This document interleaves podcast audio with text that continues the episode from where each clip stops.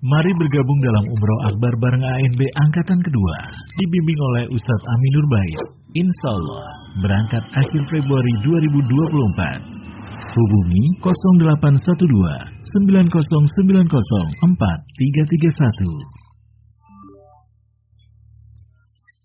Assalamualaikum warahmatullahi wabarakatuh. Innal hamdalillah nahmaduhu wa nasta'inuhu wa nastaghfiruh.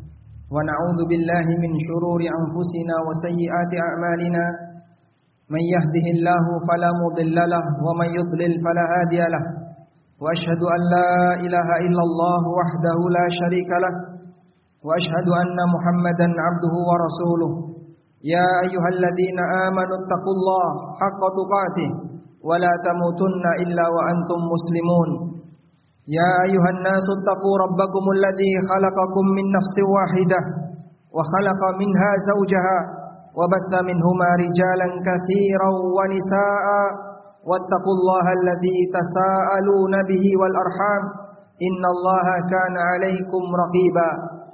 يا أيها الذين آمنوا اتقوا الله وقولوا قولا سديدا. يصلح لكم أعمالكم ويغفر لكم ذنوبكم ومن يطع الله ورسوله فقد فاز فوزا عظيما. أما بعد فإن أصدق الحديث كتاب الله وخير الهدى هدى نبينا محمد صلى الله عليه وسلم وشر الأمور محدثاتها فإن كل محدثات في الدين بدعة وكل بدعة ضلالة وكل ضلالة في النار. وأصلي وأسلم وأصلي وأسلم على نبينا محمد وعلى آله وصحبه أجمعين Hadirin jamaah Jumat belakang Allah Ta'ala Sebagaimana yang kita saksikan saat ini Bahwa masyarakat kita sedang berada dalam suasana tahun politik Dan terkadang antara satu dengan yang lain mereka saling menyudutkan Maka izinkan kami untuk menyampaikan beberapa nasihat Berkaitan dengan apa yang harus diketahui oleh setiap muslim Dan dilaksanakan oleh setiap muslim Terutama dalam situasi tahun-tahun politik Jamaah belakang Allah Subhanahu wa taala. Pertama yang perlu kita pahami bahwa dalam situasi sekacau apa pun ketika terjadi di tengah masyarakat, kita tetap diperintahkan untuk terus beribadah kepada Allah. Bahkan nilai ibadah dalam situasi chaos, dalam situasi kacau lebih besar dibandingkan ibadah dalam kondisi normal. Sebagaimana yang disebutkan dalam hadis riwayat Muslim, Nabi sallallahu alaihi wasallam bersabda, Al-ibadatu fil haraj kahijratin ilayya. Beribadah dalam situasi kacau pahalanya seperti hijrah kepadaku. Kita memahami bahwa tidak ada amal berhijrah menemui Nabi sallallahu alaihi wasallam karena kota Mekah telah menjadi negeri muslim dan Nabi sallallahu alaihi wasallam telah meninggal dunia.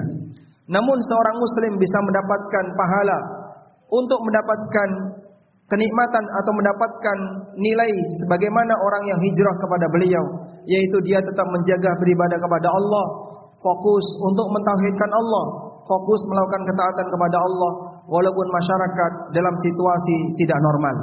Karena itu jamaah dimulakan Allah jangan sampai perhatian kita 100% hanya tertuang dalam urusan politik sementara perhatian dalam urusan ibadah dan yang lainnya kita tinggalkan pesan yang kedua bahwa kita perlu memahami kondisi bermusuhan dan ketika seseorang tegang dengan orang lain semuanya akan berlanjut di akhirat apabila tidak selesai di dunia.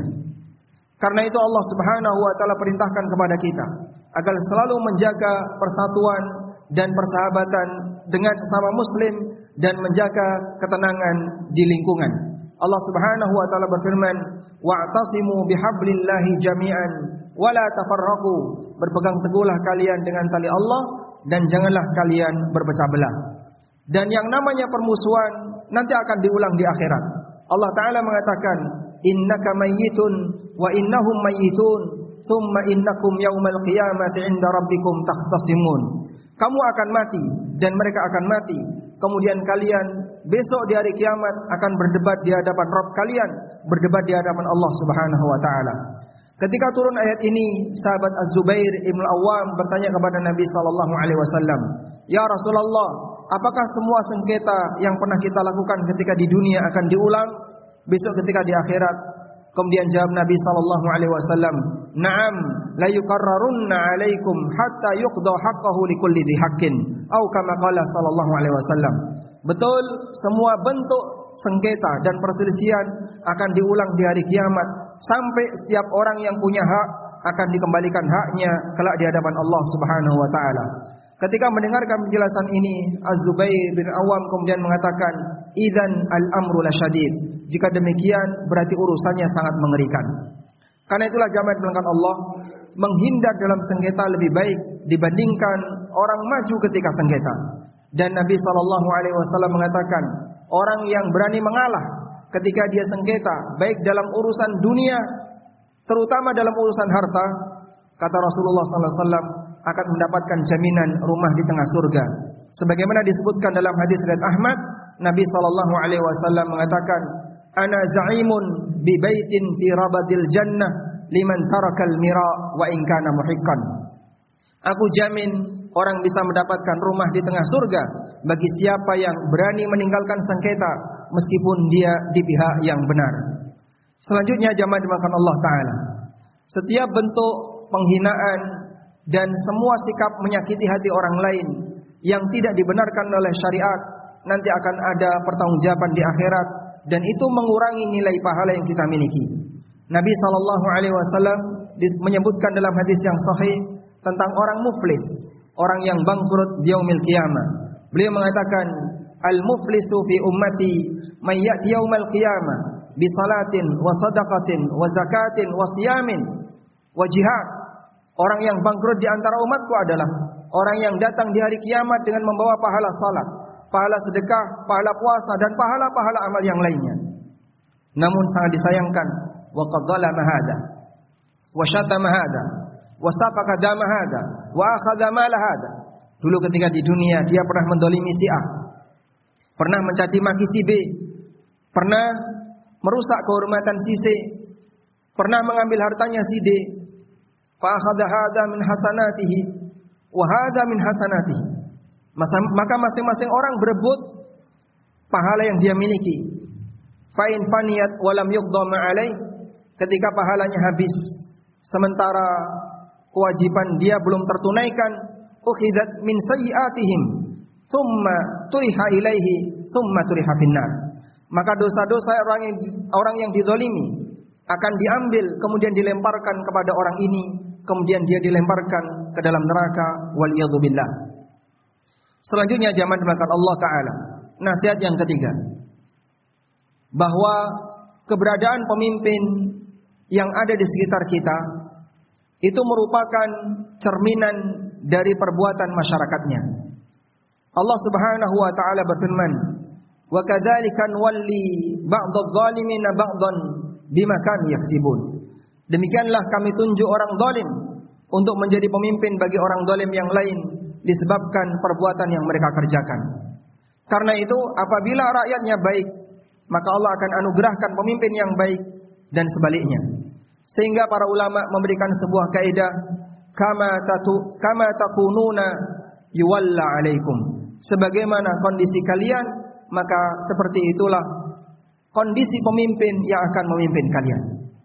Sehingga pemimpin merupakan elemen dari masyarakat. Apabila masyarakatnya baik, maka Allah anugerahkan kepadanya pemimpin yang baik dan demikian sebaliknya. Sehingga ketika kita mengharapkan pemimpin yang baik, maka di saat yang sama kita harus berusaha untuk memperbaiki diri kita, memperbaiki masyarakat dengan cara bareng-bareng mengingatkan mereka untuk kembali ke jalan Allah taala. Edukasi tidak hanya disampaikan ke daerah atas, tapi juga disampaikan kepada masyarakat secara umum. Selanjutnya jamaah dimakan Allah taala. Nabi sallallahu alaihi wasallam mengingatkan bahwa ketika seseorang sudah menjadi pemimpin, tugas para rakyat berikutnya adalah berusahalah untuk menjadi rakyat yang baik. Salah satunya menghormati pemimpinnya. Dalam hadis yang diriwayatkan oleh Muslim, Nabi sallallahu alaihi wasallam pernah mengatakan, "As-sultan zillullahu fil ard. Faman ahanahu ahanahu Allah, wa man akramahu akramahullah." Pemimpin adalah naungan Allah di muka bumi. Siapa yang menghinakan pemimpinnya, maka Allah akan menghinakan dirinya dan sebaliknya siapa yang memuliakan pemimpinnya, maka Allah akan memuliakannya. Di zaman Utsman bin Affan radhiyallahu anhu, ada banyak sekali orang yang menghina Utsman bin Affan. Salah seorang ulama tabi'in yang bernama Abdullah bin Amir bin Rabi'ah mengatakan, "Ayahku termasuk di antara orang yang tidak mau menghina Utsman." Sampai beliau berdoa kepada Allah ketika qiyamul lail, "Ya Allah, lindungilah aku dari segala bentuk fitnah, sebagaimana Kau lindungi orang-orang saleh dari segala bentuk fitnah." Dan subhanallah, Abdullah bin Amir menceritakan, Allah melindungi ayahku sehingga beliau tidak mengalami sakit hingga kematiannya. Di situlah salah satu di antara bentuk Allah Ta'ala memuliakan hamba dengan menjaga sang hamba meskipun dalam posisi ketika masyarakat menghina pemimpin namun beliau tetap bersabar untuk tidak memberikan penghinaan kepada pemimpinnya. Selanjutnya jamaah Allah. Mari kita memperbanyak doa. Memohon kepada Allah Ta'ala. Sebab pemimpin itu ditunjuk oleh Allah. Sesuai dengan apa yang dia kehendaki. Dalam situasi politik kita tidak tahu siapakah nanti yang akan maju ke depan sebagai pemenang. Dalam kondisi sama-sama tidak tahu, berikan harapan kepada Allah Ta'ala. Semoga Allah memberikan kita pemimpin yang baik. Seorang ulama tabi tabi'in yang bernama Fudail bin Iyad rahimahullah taala pernah menyampaikan, "Lau kanat li da'watun mustajabah la da'autuha lis sultan." Andaikan aku diberi oleh Allah satu kesempatan doa yang pasti mustajab, tentu akan aku berikan kepada pemimpin yang sah di hadapanku. Dengan kecerdasan seorang ulama, ketika pemimpinnya baik, maka kebaikannya akan menyuruh kepada seluruh rakyatnya. Maka andaikan beliau diberi oleh Allah satu kesempatan doa yang pasti mustajab, bukan doa itu tidak dibaca untuk kepentingan pribadi, tapi beliau baca doa itu untuk kebaikan pemimpinnya, agar pengaruh baiknya juga menyeluruh bagi yang lain.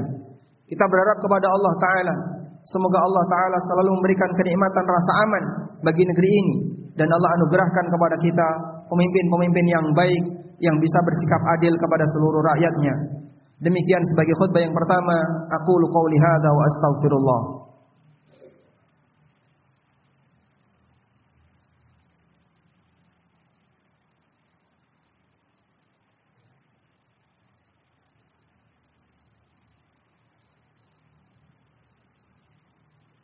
Alhamdulillah الحمد لله الذي هدانا لهذا وما كنا لنهتدي لولا أن هدانا الله لقد جاء رسل ربنا بالحق ونودوا أن تلكم الجنة أورثتموها بما كنتم تعملون وأشهد أن لا إله إلا الله وحده لا شريك له وأشهد أن محمدا عبده ورسوله يا أيها الذين آمنوا اتقوا الله حق تقاته tamutunna illa wa antum muslimun. Hadirin jamaah Jumat belakang Allah taala. Bagian akhir yang penting untuk kita perhatikan bahwa Nabi sallallahu alaihi wasallam memberikan peringatan keras dalam setiap kegiatan sogok menyogok. Nabi sallallahu alaihi wasallam sampai memberikan laknat sebagaimana disebutkan dalam hadis yang sahih, la'ana Rasulullah sallallahu alaihi wasallam ar-rashi wal murtashi war ra'ish. Rasulullah sallallahu alaihi wasallam melaknat orang yang menyogok, yang menerima sogok dan orang yang menjadi perantara sogok. Dan di antara fatwa yang disampaikan oleh para ulama berkaitan dengan kegiatan politik, mereka menyampaikan apabila ada salah satu calon yang dia menjadi bagian dari pemilihan. Memberikan apa pun bentuknya kepada masyarakat. Baik berupa uang maupun dana apa pun kepada masyarakat. Mereka memahami itu statusnya adalah sokok. Dan rakyat yang menerima ini dia dilaknat oleh Nabi Sallallahu Alaihi Wasallam sebagaimana pemimpin yang memberikan ini juga mendapatkan laknat. Karena sogok baik yang memberi maupun yang menerima dua-duanya dilaknat oleh Rasulullah sallallahu alaihi wasallam.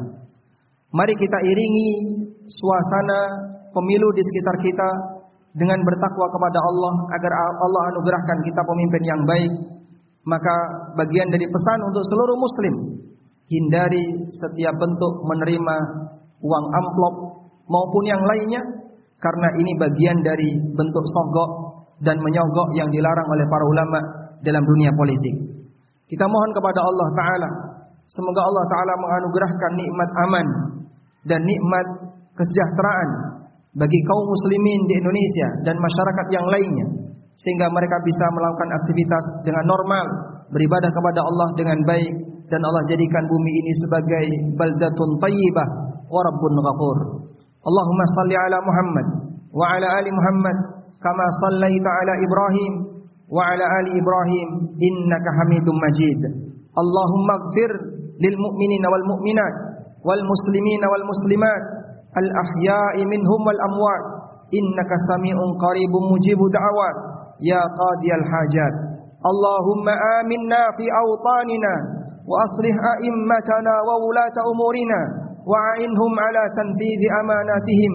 اللهم ارزق لهم وزراء الصالحين. اللهم ارزق لهم بطانة الصالحين. ربنا هب لنا من أزواجنا وذرياتنا قرة أعين واجعلنا للمتقين إماما. ربنا آتنا في الدنيا حسنة وفي الآخرة حسنة وقنا عذاب النار. وصلى الله على نبينا محمد وعلى آله وصحبه وسلم.